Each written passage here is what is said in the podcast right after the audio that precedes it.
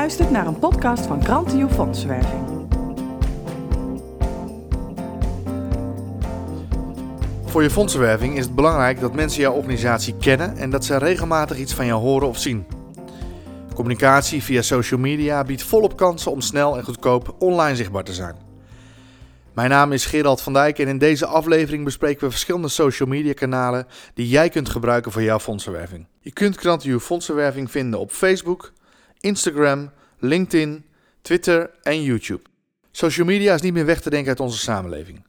Elk uur van de dag zijn duizenden mensen actief om te delen met hun sociale netwerk wat ze aan het doen zijn. Dat geeft meteen aan dat social media vooral een feel-good medium is.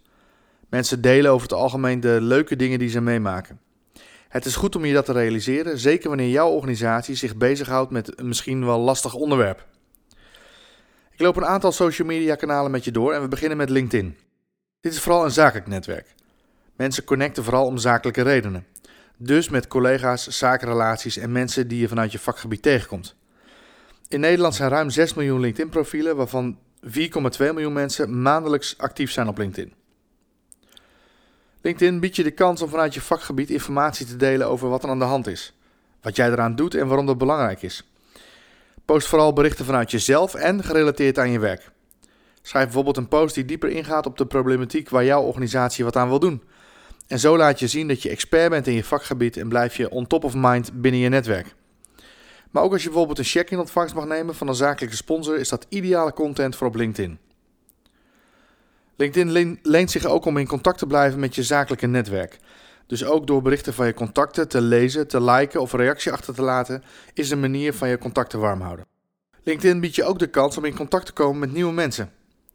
Stel je wil graag in contact komen met de sponsormanager van Gamma of Coca-Cola. Als je de naam van deze persoon weet, zoek hem of haar dan op via LinkedIn. Het kan namelijk zo zijn dat iemand uit jouw netwerk hem of haar kent en je kan introduceren. Facebook. Facebook is een van de grootste sociale netwerken ter wereld. Ook in Nederland wordt er actief gebruik gemaakt van Facebook met ongeveer 9,5 miljoen profielen. Facebook heeft meer een persoonlijk karakter. Hier vind je volop berichten over kinderen, huis, hobby, sport enzovoort. Of van mensen die trainen om mee te doen aan de Europa Run of de Alpe d'Huez en daarvan een foto posten op Facebook. Dit sluit heel erg aan op de trend van do good and show it. Het is voor maatschappelijke organisaties heel interessant om actief te zijn op Facebook. Hier kan je namelijk mensen op een leuke manier een inkijkje geven in jouw organisatie. Bijvoorbeeld over die vrijwilliger die zich al 10 jaar voor jouw organisatie inzet, of die bestuurder die na 8 jaar dienst afscheid neemt, of de brainstorm sessie die je houdt om een nieuwe campagne op te zetten, of dat handgeschreven kaartje die je van een donateur of iemand uit je doelgroep hebt ontvangen. Daarnaast biedt Facebook kansen om mensen te bereiken die jouw organisatie niet of nauwelijks kennen. Dat kan je doen op verschillende manieren. Bijvoorbeeld door aantrekkelijke content te posten, zodat mensen uit jouw eerste cirkel van betrokkenheid deze berichten gaan liken of nog beter gaan delen. Maar je kunt ook nieuwe mensen bereiken door middel van betaalde promotie. Al voor een paar euro kun je berichten promoten. Omdat Facebook zo groot is en intensief wordt gebruikt, zie je niet alles voorbij komen in je eigen tijdlijn. Gemiddeld bereikt een bericht 10% van je volgers. En je kunt dit bereik vergroten door middel van betaalde promotie. Het grote voordeel hiervan is dat je mensen gericht kunt targeten. Je kunt jouw bericht bijvoorbeeld richten op vrouwen in de leeftijd tussen 25 en 40 jaar in de steden Utrecht, Amersfoort en Den Bosch, die ook nog eens interesse hebben in sport, mode en uitgaan. Als je op zoek bent naar voorbeelden van non-profit organisaties die het goed doen op Facebook, kijk dan eens op de pagina van KWF Kankerbestrijding, het Van Gogh Museum of Natuurmonumenten. Instagram. Dit is een groeiend sociaal mediakanaal. De insteek van Instagram is foto en video. Sterker nog, je kunt geen bericht posten zonder beeld. En de kunst is dan ook om je boodschap met een paar woorden te ondersteunen, maar vooral het beeld te laten spreken. Het gebruik van Instagram in Nederland wordt geschat op ongeveer 3,2 miljoen profielen. Als je nog niet bekend bent met Instagram of je weet niet goed hoe je dit kanaal kan inzetten voor jouw organisatie, nodig dan eens een expert uit op dit gebied.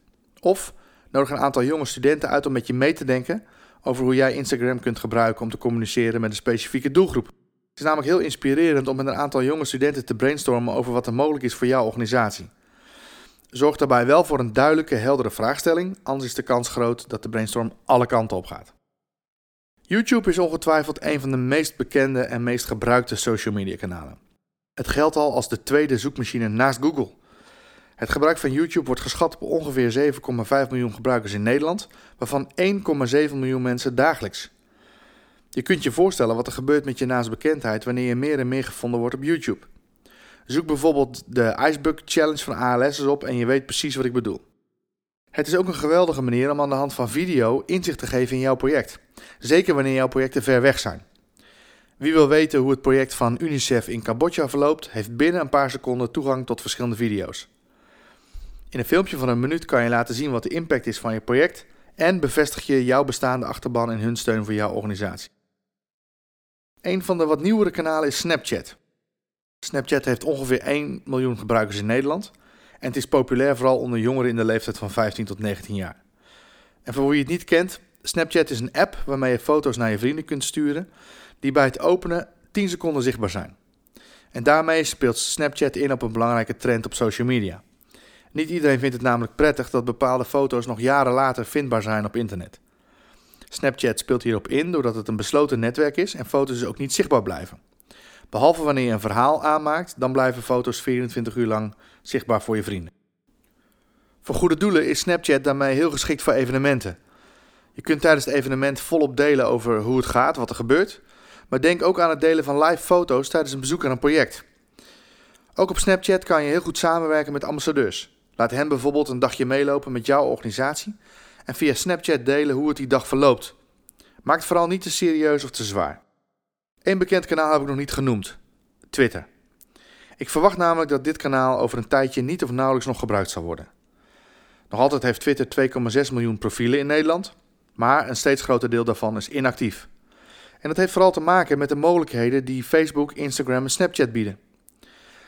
Twitter heeft ten opzichte van deze netwerk te weinig onderscheidend vermogen. We hebben zo een aantal social media kanalen bekeken en de manier hoe je ze kunt gebruiken voor jouw sociale missie.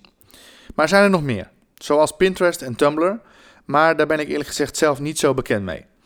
Mocht jij nou goede ervaring hebben met deze kanalen, dan hoor ik heel graag hoe jij daarover denkt. En je kunt even je reactie achterlaten via podcast.grantiu.nl. Ik raad je aan om te kijken waar jouw doelgroep het meest te vinden is en daar je online communicatie op af te stemmen. Het heeft geen enkele zin om een Snapchat-account te openen als je daar niet of nauwelijks via communiceert. Bedenk dat communicatie ook alles te maken heeft met zenden en ontvangen, waarbij ontvangen de laatste jaren misschien wel belangrijker is geworden dan het zenden. Gebruik je social media kanalen niet als een soort digitaal prikbord waarbij je jouw boodschap op kwijt wil. Het is een geweldige kans om te horen wat je achterban vindt. En traditionele communicatiemiddelen komen steeds meer onder druk te staan. Zorg daarom dat je online vindbaar bent en dat je actief bent. En we leven in een tijd waarbij mensen mondiger zijn dan 10 of 20 jaar geleden. Wees je ervan bewust dat er ook negatieve of boze reacties op je post kunnen komen. Mijn advies is om deze berichten niet weg te halen, tenzij ze echt onacceptabel zijn. Denk bijvoorbeeld aan eh, racistische lading of grove beledigingen. Maar in, in geval van een negatieve post, probeer dan zo snel mogelijk offline in contact te komen met iemand. Dan kan je één op één bespreken waarom iemand boos of teleurgesteld is. En als je wilt leren hoe je kunt omgaan met kritiek of boze klanten, check dan eens even de social media kanalen van KLM.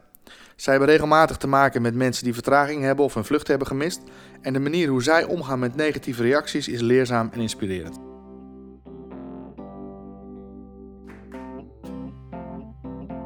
Ik hoop dat deze podcast over social media jou helpt om online te communiceren met je achterban en potentiële doelgroep.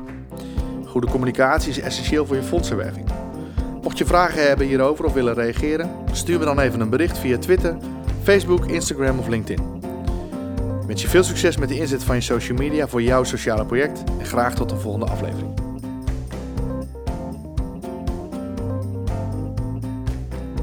Voor meer informatie ga je naar grantio.nl.